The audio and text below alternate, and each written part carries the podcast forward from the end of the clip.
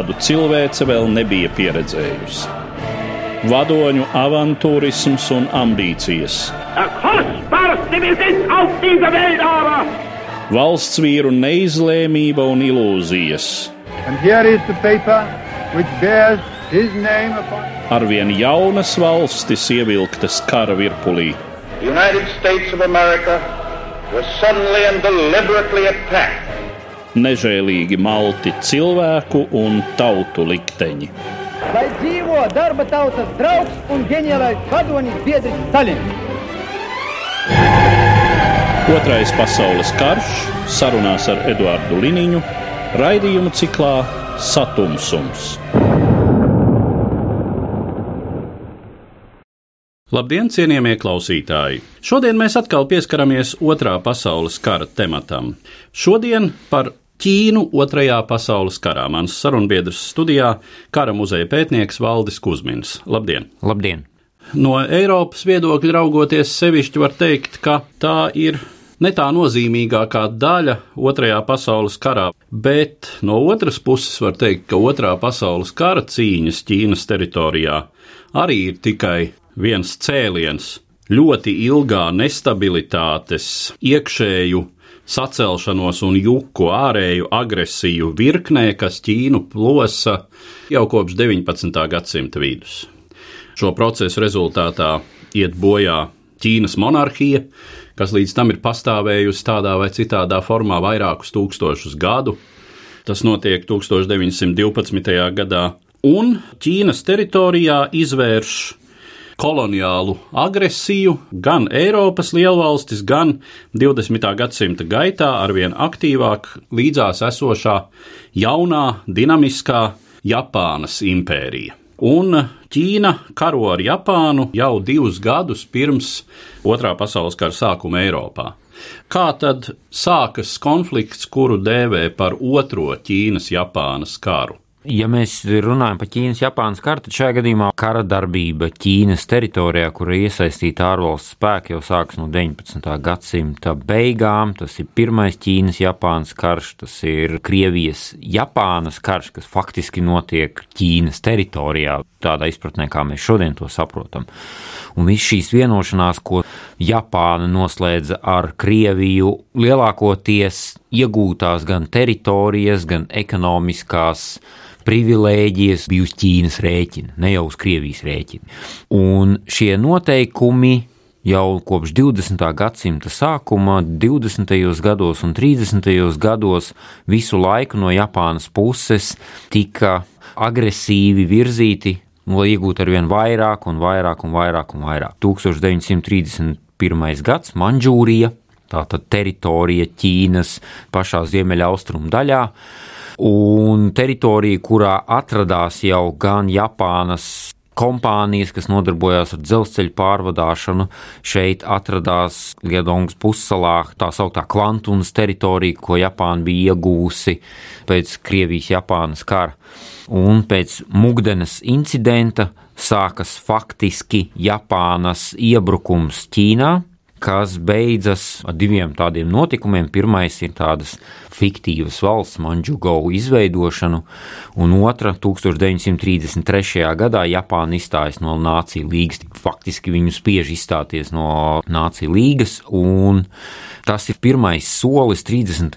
gados, vēl pirms Eiropā notiek Spānijas pilsoņu karš, pirms vēl notiek nacistiskās Vācijas agresīva atgriešanās starptautiskajā politikā, tieši Japāna tika uzskatīta par tādu kā lielāko esošās pasaules kārtības jaucēju un lielāko agresoru ar visām no tām izrietošām sekām.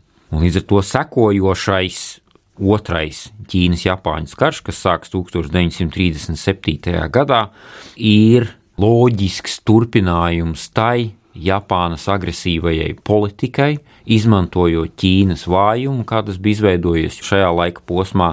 Ķīnā no 1927. gada jau pilnā sparā notika Ķīnas pilsoņu karš starp Ķīnas nacionālistiem, ja tā varētu teikt, Čankai Šiko pārstāvēja un Ķīnas komunistisko partiju ar Mao Zedunu priekšgalā. Vienkārši raksturojums tur īstenībā ir ļoti sarežģīts Arī gan vietējie vadoņi, gan Ķīnas musulmaņi, kas ziemeļdaļā ir izveidojuši gan arī savu autonomu varu atsevišķos brīžos. Šis mūsu stāstījums par Ķīnu otrajā pasaules karā ierobežotā laika posmā, jebkurā gadījumā būs vienkāršots un tādos lielos vilcienos. Bet kara darbība sākās līdz ar tā saucamo Marko Polo tilta incidentu, un sākās, kā jau diezgan daudz tādu lielu konfliktu ar tādu nesaprašanos, bija kā pazudis viens Japānas karavīrs vienā no garnizoniem, kas atradās Ķīnas teritorijā. Pēc tam kareivis atradās, bet karavīri abās pusēs bija sākuši apšaut. Tas beidzās ar diezgan pamatīgu kardarbību, kas lēnā garā pārauga pilna mēroga Japānas iebrukumā Ķīnas teritorijā. Ievērojot iedzīvotāju skaitu, Ķīna ir krietni pārāka par Japānu. Kas ir Japānas militārās priekšrocības, kas tai ļauj izvērst Ķīnas teritorijā tik plašu un uh, ambiciozu agresiju? Pirmkārt, ja mēs skatāmies uz visu šo otro Ķīnas-Japānas karu no 1937. gada līdz pat 1945. gadam, Japāna nekad nekontrolē Ķīnas teritoriju. Manuprāt, tur var skatīties pa brīžiem. Lielākais izplešanās apjoms ir 1944. gada beigās, pēc Ichigo operācijas, tā saucamās, un arī tad viņi kontrolē, mēs varētu runāt par vienu piekto daļu. Tā ir Pekinas apkārtne un Ķīnas piekraste, lielākās pilsētas, Nankina, Šanhaja un piekraste un ziemeļaustrumu reģioni. Ķīnas centrālā daļa, Ķīnas ziemeļdaļa, Ķīnas rietumu daļa. Tur Japānas karaspēks vienkārši nav. Un kā jau jūs minējāt, galvenais iemesls Ķīna ir tik liela, ka šo okupāciju šī vārda tiešā nozīmē. Tas ir karaspēka atrašanās kādā teritorijā, un šīs teritorijas kontrole bija faktiski neiespējama. Un, ja mēs skatāmies Ķīnas okupācijas detaļas, kā to veica Japānas bruņotie spēki, tad mēs šeit redzam, ka viņi vienkārši nebija spējīgi to darīt. Un no tā izrieta ļoti daudz no tādām nežēlīgām akcijām, ko Japānas bruņotie spēki veica, mēģinot iebiedēt. Ķīnas iedzīvotājus gan lielajās pilsētās, gan apkārtnēs. Skaidrs, ka viņi to nevarētu kontrolēt tādā mūsdienu izpratnē, tad pretpartizāņu karš, klasisks, un cik nu klasisks varbūt Ķīnā nebija iespējams. Tādēļ tie bija reidi, ielenkuma operācijas un ļoti daudz kas balstījās uz tādu brutālu iebiedēšanu un bezkompromisu cīņu, tajā skaitā arī pret civiliedzīvotājiem, lai nepieļautu šo partizāņu kara veidošanos. Bet galvenais pluss, kas bija Japānas armijai, vismaz okupācijas sākuma posmā un jau 30. gadu sākumā bija redzams, ka šī armija bija salīdzinoši labi bruņota ļoti labi organizēta, kas jau ir pirmsākumiem ņemama 19. gadsimta beigās, kad faktiski notiek Japānas bruņoto spēku izveidošana, aizejot no tādām tradicionālām Japānas militārajām vērtībām, kā tā bija 19. gadsimta vidū. Šos bruņotos spēkus vadīja ļoti ambiciozi virsnieki ar tādām īpatnējām tradīcijām, ka tika atbalstīts, ka padotie valda pār augstāk stāvošajiem. Šis pats Manžūrijas mūkdens incidents ir saistīts ar to, ka viens leitnants izdomāja uzspridzināt dzelzceļu. Tā bija viņa iniciatīva, viņa priekšnieki par to nezināja, bet tas bija atbalstāms un ļoti prestižs solis, ka tu atļaujies to darīt. Tev ir iniciatīva, neskatoties, ka tev pavēl bija to nedarīt, tev ētiskie principi liek tev šādu pašiniciatīvu veikt un šāda agresīva militārā kultūra, kas pastāvēja Japānā un tika atbalstīta un veidot, nu jau mēs varētu teikt, gadu desmitiem, bija stipri pārāk. Ja mēs skatāmies armiju pret armiju, tad Ķīnai šajā gadījumā nebija nekādu izredzu. Kā reaģē uz visu šo situāciju Eiropas lielvalstis, kurām taču arī Ķīnā ir savas intereses, kuru koloniālie valdījumi robežojas ar Ķīnu daudz vietā? Sākotnēji šeit izveidojās diezgan īpatnēja, jo sadarbība Ķīnu, piemēram, bija gan padomju savienībai, gan bija slēgtas vienošanās, gan arī vairāk vai mazāk oficiāli un neoficiāls atbalsts Ķīnā pret Japānu. Piemēram, arī Vācijas atbalsts sākotnēji bija, un tas atbalsts pret Japānas agresiju bija diezgan jūtams. Lielākoties tas rietumu atbalsts izpaudās ņemot vērā Japānas bruņoto spēku īstenotos noziegumus pret civiliedzīvotājiem. Un šajā sākotnējā posmā, kad Ķīnas Republikas bruņotie spēki vēl faktiski mēģina cīnīties regulārās kaujās, kauja par Šanhai 1937. gada beigās, un jo sevišķi kauja par Nankinu kas bija Ķīnas republikas galvaspilsēta 1937. gada decembrī un pēc tam 38. gada sākumā.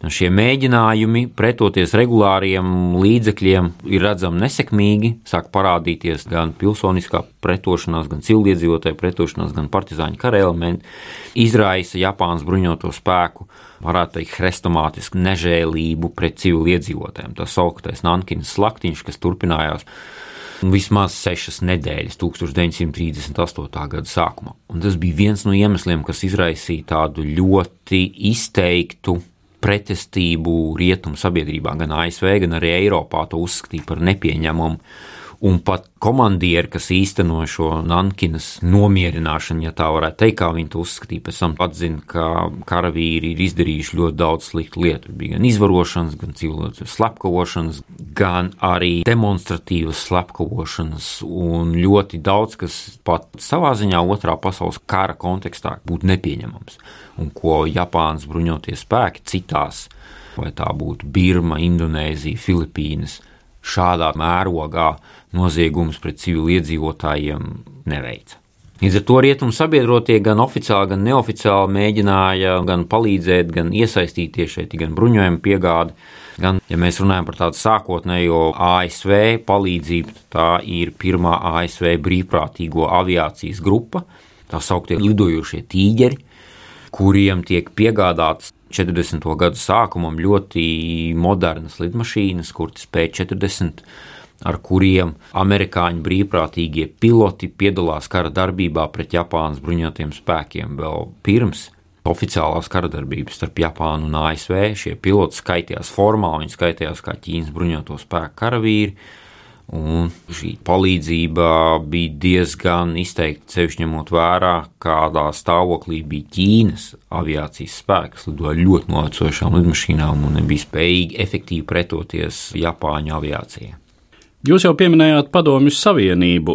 Padomju Savienība vismaz sākotnēji sadarbojas ne tikai ar Ķīnas komunistiem, bet arī ar Ķīnas, var teikt, oficiālo šo nacionālo valdību, to sauc par Gomindan, jā, jā. šo organizāciju, kuras izveidot ir šī valdība.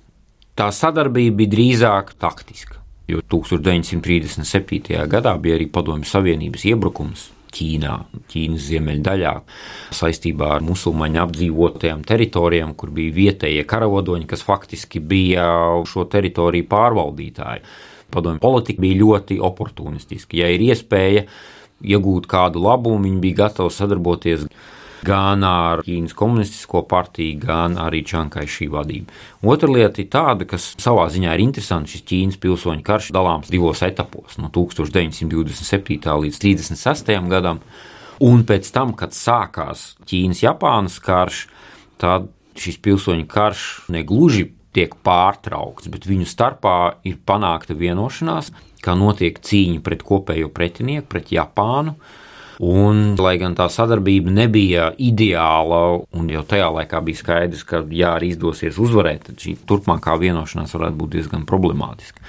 Līdz ar to arī Padomju Savienības politikā bija ne tik daudz kā savu politisko interesu vai vispasaules revolūcijas plānu īstenošanu, izmantojot komunistisko partiju, cik cīņa pret Japāņu. Šeit mums arī jāatcerās, ka kopš 1938. gada Padomju Savienība atrodas, ja ne gluži oficiālā kara stāvoklī ar Japānu, tad ir iesaistīta tādā pusoficiālā kara darbībā. 1938. gadā ir tā saucamais Hasana ezera konflikts. Krievijas tālajos austrumos, Habārovskas apgabalā. Un, protams, visslavenākais militārais konflikts ir 1939. gada augustā, kaujas pie Halhingolas upes, iekšējās Mongolijas teritorijā, kur pirmo reizi parādās vēlākā Padomju Savienības maršala Žukova karavadoņa talanti un arī viņa kā karavadoņa tie lielie mīnusi. Tanku izmantošanu, un ielēkšanu un izlaušanā šeit mēs runājam par desmitiem tūkstošu karavīru, kas ir iesaistīti šajā kara darbībā. Un līdz ar to, ja mēs skatāmies, kāda ir padomju savienības interese, tad tā arī bija drīzāk mēģinājumi ierobežot un mēģinājumi cīnīties ar galveno ienaidnieku, tas ir Japāna. Kas mainās šajā situācijā pēc tam, kad Japāna iesaistās karā pret Eiropas lielvalstīm tieši pēc Pearl Harboras? Pirmkārt, ko šeit būtu ļoti svarīgi uzsvērt, ir tas, ko jūs minējat pašā sākumā, ka kara darbība Ķīnā vienmēr tiek uzskatīta kā trešā šķiras, jeb otrā šķiras fronte. Cik mēs šeit esam runājuši par kara darbību Klusā okeāna reģionā, tad vienmēr tas ir ASV. Numur viens, kas ir plaši zināms, ir aprakstīts, ir uzbrukums Pēlhārboram, visas šīs jūras kaujas, kas notiek visā salu reģionā. Pēc tam, protams, nāk Lielbritānijas koloniālā impērija Un kas notiek Ķīnā, ir tāds trešās šķiras teātris. Lai gan no otras puses, ja mēs salīdzinām, cik resursus, gan cilvēku, gan tehnikas Ķīna prasīja no Japānas bruņotiem spēkiem, sākot ar Kvantunas armiju, kas bija izvietota Manģūrijā, kas ilgu laiku bija kā elites vienība, kur bija ļoti daudz gan talantīgu virsnieku karavīru, gan arī kaujas tehnikas, gan arī šī okupācijas armija Ķīnas teritorijā prasīja ne gluži pusi no visiem resursiem. Tad ļoti, ļoti daudz. Katrā ziņā, ja mēs saskaitām otrā pasaules kara zaudējumus, ko cieta Japāna, tad šeit noteikti var runāt gan arī trešdaļa līdz puse no visiem bojā gājušiem karavīriem ir Japānas zaudējumi Ķīnā, Manžūrijā un Franču Indoķīnas ziemeļos, neskaitot tās Birmas kampaņas. Tā ļoti, ļoti nopietna iesaiste, kas ļoti ierobežo Japānas bruņoto spēku darbību Klusā okeāna salās. Bet galvenā izmaiņa ir saistīta ar Birmu un Franču Indoķīnu, Malaiziju, Singapūru, kur kara darbība sāks ne tikai pret ASV, bet kara darbība sāks arī pret Lielbritāniju un Japānas bruņotie spēki, kas ir spiesti piedalīties kaujās ar Anglijas un Indijas armiju, ir pēkšņi iesaistīti kaujās arī Birmas ziemeļdaļā pret Ķīnas bruņotiem spēkiem. Un šajā brīdī rietumu sabiedroto palīdzība Ķīnas oficiālajai armijai kļūst pat ļoti plaša. Šeit gan ir lidmašīna, gan viss sakaru ierīces un iekārtas un viss pārējais. Un vienā brīdī, 1943. un 44. gadā, kad bija ļoti kritiska situācija uz Indijas robežas. Tas bija viens no pēdējiem Japānas bruņoto spēku lielākiem uzbrukumiem. Viens no iemesliem, kas pilnā mērā neļāva izmantot sākotnējos panākumus, bija Ķīnas armijas iebrukums Birmas ziemeļos, kas novirzīja ļoti lielus resursus no galvenā uzbrukuma virziena. Un Japānas bruņotie spēki, kas jau tā bija ļoti plašās teritorijās ar milzīgu iedzīvotāju skaitu izvietot, bija spiesti vērsties vēl vienā frontē, Vēl ir rietumu sabiedroto aviācijas izvietošana Rietumķīnas teritorijā ar bāzēm gan Indijā, un pēc tam, kuras pārvietojās uz Ķīnas teritoriju, un no šīs Ķīnas teritorijas jau veids uzlidojumus gan pašai Japānai, gan arī, piemēram, tā ir mūsdienu Tāvānā, ka toreiz viņi sauc Formosa salu, kas bija Japānas teritorija un viena no lielākajām Japānas bruņoto spēku un Japānas kara flotes bāzēm. Uzlidojumi tika veikti no Ķīnas teritorijas un izmantojot Ķīnas teritoriju kā bāzi, no kurienes lidojumi. Tas bija arī viens no iemesliem otrajam lielajam Japānas bruņoto spēku uzbrukumam Ķīnas austrumu daļā, lai atvirzītu lidlaukus pēc iespējas tālāk un neļautu izmantot Ķīnas teritoriju kā tādu izējas punktu gaisa uzlidojumiem.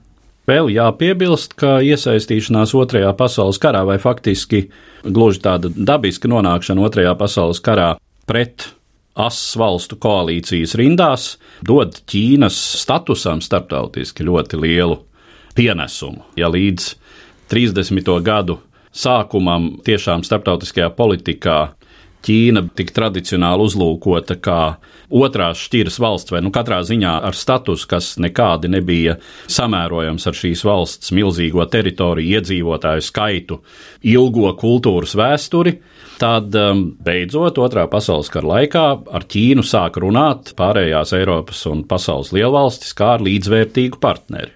Jā, nu tas bija noteikti gan Ķīnas izmērs, gan Ķīnas teritorija, visi pieejamie resursi, rietumu sabiedrotajiem pēkšņi no savas agresijas objekta, kad mēs tūlīt iegūsim vēl kādas koncesijas, kādu teritorijas gabaliņu, vēl kādas tirzniecības privilēģijas. Bija skaidrs, ka rietumu valstis bija nonākušas tik kritiskā situācijā 41. un 42. gadā, ka Ķīna kļuva par ļoti, ļoti vērtīgu sabiedroto, neskatoties uz to, kādā stāvoklī bija Ķīnas valsts un kas varētu notikt eventuāli pēc kara beigām. Un šajā ziņā arī Ķīnas nostāja bija tāda, ka viņi meklēja iespēju kļūt par līdzvērtīgu sabiedroto ar visām sakām, kas varētu notikt pēc tam. Nu, teiksim, karš beidzās, kāda būs tā Ķīnas nākotne un kāda šī valsts varētu izskatīties pēc Japānas sagrāves. Runājot par kara noslēgumu, kā tad tiek galu galā atbrīvota Ķīnas teritorija un kādi spēki karam Klusā okeāna reģionā beidzoties 1945. gada vasaras beigās atrodas Ķīnas teritorijā tajā brīdī. 1945. gada augustā, septembrī tiek atbrīvots visas tās rietumu sabiedroto, sauksim tās par kolonijām, kuras viņi zaudēja 40. gadu vidū, gan Birma, gan Malaizija, gan arī Franču Indoķīna. Un Japānas bruņoties spēki vienkārši vairāk vai mazāk haotiski atkāpjas un viens pēc otra kapitulē. Šajā brīdī Ķīnā ienāk spēlētājs, ko jau mēs minējām, tā ir Padomju Savienība, kas oficiāli sāk kara darbību pret Japānu. Un šī tā slavenā Manžūrijas uzbrukuma operācija 1945. gada augustā, 12 dienās Manžūrijas apgabals, kurā dzīvoja, ja nemaldos, tūp pie 50 miljoniem cilvēkiem, kas priekš Eiropas mērogiem liela valsts, 12 dienās tiek iekarot, kas ir viena no vis veiksmīgākajām padomju militārajām operācijām Otrajā pasaules karā. Manžūrijas operācija pēc tam kļūst par tādu kā piemēru, kā varētu izskatīties padomju iebrukums Rietumē Eiropā jau augstā kara apstākļos. Tanku armijas, kas ir spējīgas dienā nobraukt 150-200 km, cilvēku skaits, kas ir spējīgs pārvietoties, ļoti agresīva kara darbība ar ļoti tālējušiem mērķiem. Tātad fiktīvā valsts tiek okupēta, un pašā kara noslēgumā ir skaidrs, ka Japāna ir kapitulējusi, un Japānas bruņotie spēki vai nu padodas, un tad ir jautājums, kam viņi padodas. Tā tad ir skaidrs, ka pilsoņu karš ir pārtraukts, starp komunistiem un nacionālistiem ir pamieris, bet jau šajā brīdī sākas aizkulisku cīņa kurš kuram kurā vietā kapitulēs un kas notiks pēc tam. Nu, šeit tipisks piemērs varētu būt, kas notiek šajā Manžūrijas teritorijā, jo, piemēram, Čankai šī uzrunāja padomju savienību ar tādu piedāvājumu, lai viņi saglabātu savu klātbūtni pēc iespējas ilgāk Manžūrijas teritorijā, jo šajā brīdī viņam nebija ne spēka, ne līdzekļu, lai pieņemtu Japāņu kapitulāciju pašam ar Ķīnas Nacionālās armijas palīdzību, un bija skaidrs, ja Padomju Savienība pēkšņi atstās Manžūriju, tad šo Ķīnas kvantumas armijas kapitulāciju, ieročus vispār jau savā ziņā pārņems Maudzedun vadītā komunistiskā partija, kas iegūs lielāku militāru spēku un ar visām no tā izrietošajām sekām. Šeit jau sākās nu, šāda veida cīņa. Kurš kurā vietā nonāks pie resursiem, kurš kuru pilsētu vairāk kontrolēs un kurš būs vadītājs pēc tam, kad tiks pārtraukta Japānas okupācija. Un neskatoties uz dažādu rietumu sabiedroto atbalstu un mēģinājumiem sēsties pie sarunu galda. Šīs sarunas faktiski jau sākās, ja nemaldos, tas saucās kā maršala delegācija, kas ieradās. Un ir pat arī fotografijas, kur ir redzams Čankai šī kopā ar Maudze Dunu un rietumu diplomātiem, kur viņi nu, mēģina savā starpā vienoties, kā tas viss izskatīsies. Kara darbības beigas savā ziņā varēja notikt daudz ātrāk. Ķīnas gadījumā tas aizņēma ilgāku laiku, kā reiz šī iemesla dēļ, ka neviens negribēja radīt tādu varas vakumu, kamēr nebija skaidrs, kurš šo varas vakumu no vietējiem Ķīnas karojošām frakcijām to pārņems. Tādēļ katrā no šīm teritorijām, piemēram, Korejas daļā tas notika vienā veidā, Manžūrijā tas notika savādāk, Pekinas apkārtnē tur bija vēl citi risinājumi, Dienvidķīnas apkārtnē tas bija vēl savādāk. Taivānā tas notika pilnīgi atšķirīgi, un atkarībā no tā, kuri sabiedrotie spēki kontrolēja, no tā bija arī atkarīgs tās iekšējās Ķīnas karojošās puses dominēšana vienā vai otrā reģionā. Ieskicējot Ķīnas tālāko likteni, kas, kā mēs zinām, arī pēc otrā pasaules kara beigām nebūtu nav mierīgs un līdzsvarots, tātad kas notiek tālāk? Tālāk atsākās Ķīnas pilsoņu karš. Oficiālais sākums ir 1948. gada 31. marts. Sarunas, kas turpinājās praktiski pusgadu par iespējamu izlīgumu un jaunu vienošanos, kā tam vajadzētu izskatīties, praktiski beidzas ar izgāšanos. Un sākas Ķīnas pilsoņu karš, kas turpinās. Īstenībā viņš nemaz nav beidzies. Jā. Jo vēl aizvien mums ir divas Ķīnas. Viena ir ļoti liela, otra ir stipri maziņa. Abas divas apgalvo, ka ir īstā, un abas divas vēl aizvien uzstāja uz vienas Ķīnas politiku. Gan Ķīnas Tautas Republika paziņo, ka Taivāna ir mūsu sastāvdaļa, un agrāk vai vēl mēs tur ieradīsimies. Tieši tāpat ir arī tā saucamā Taivānas attieksme pret vispārējo Ķīnu, ka tā ir īstenībā neleģitīma vara un īstā Ķīna ir šeit, un agrāk vai vēl mēs atgriezīsimies. Šis pilsoņu karš turpinās un ir Ķīnas Nacionālās komindanga armijas sagrāva. Čankai šī valdības nespēja organizēt pretestību, ja, jo reāli jau 1948. gada beigās, 1949. gada sākumā ir skaidrs, ka Ķīnas komunistiskā partija ir daudz spējīgāka, daudz organizētāka, daudz agresīvāka tieši tādā militārā ziņā.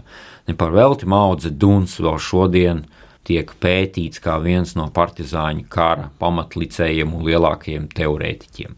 Un tieši Ķīnas komunistiskā partija bija tā, kas vissekmīgāk īstenoja partizāņu karu pret Japānas bruņotajiem spēkiem Ķīnas ziemeļaustrumu daļā.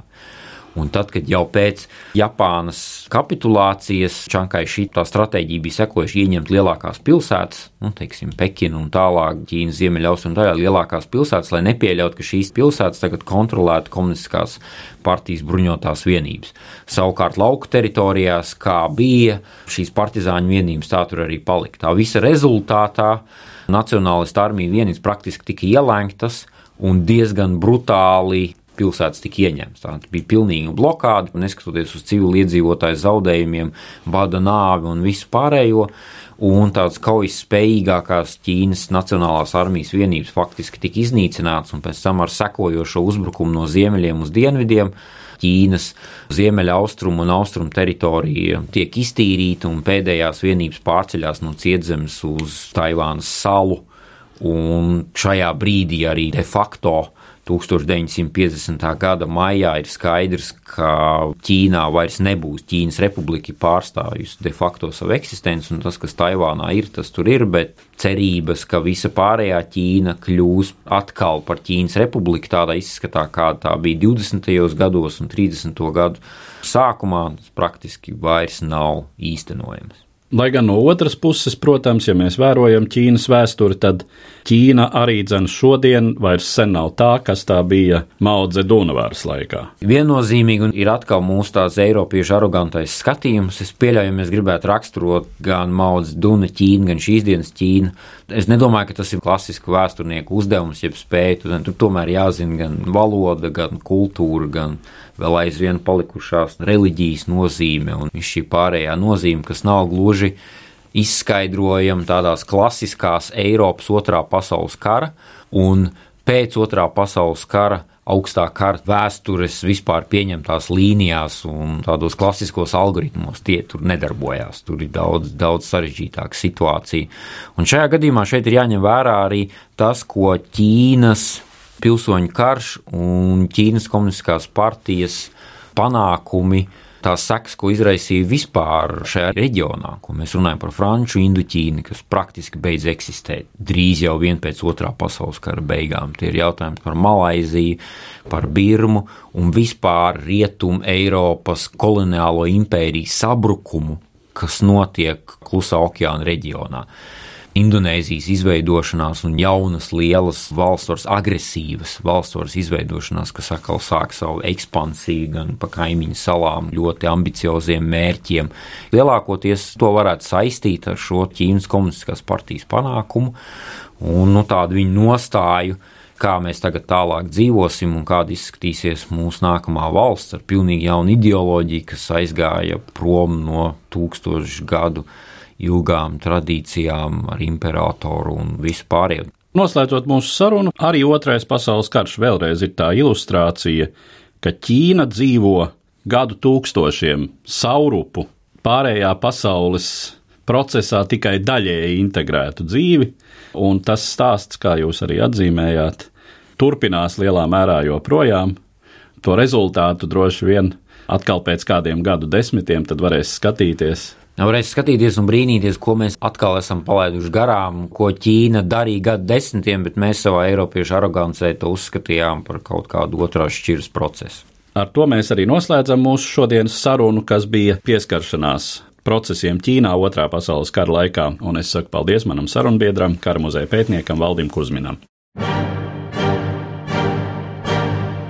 Raidījumā šīs dienas acīm cikls Satumsums Sarunas par Otro pasaules karu.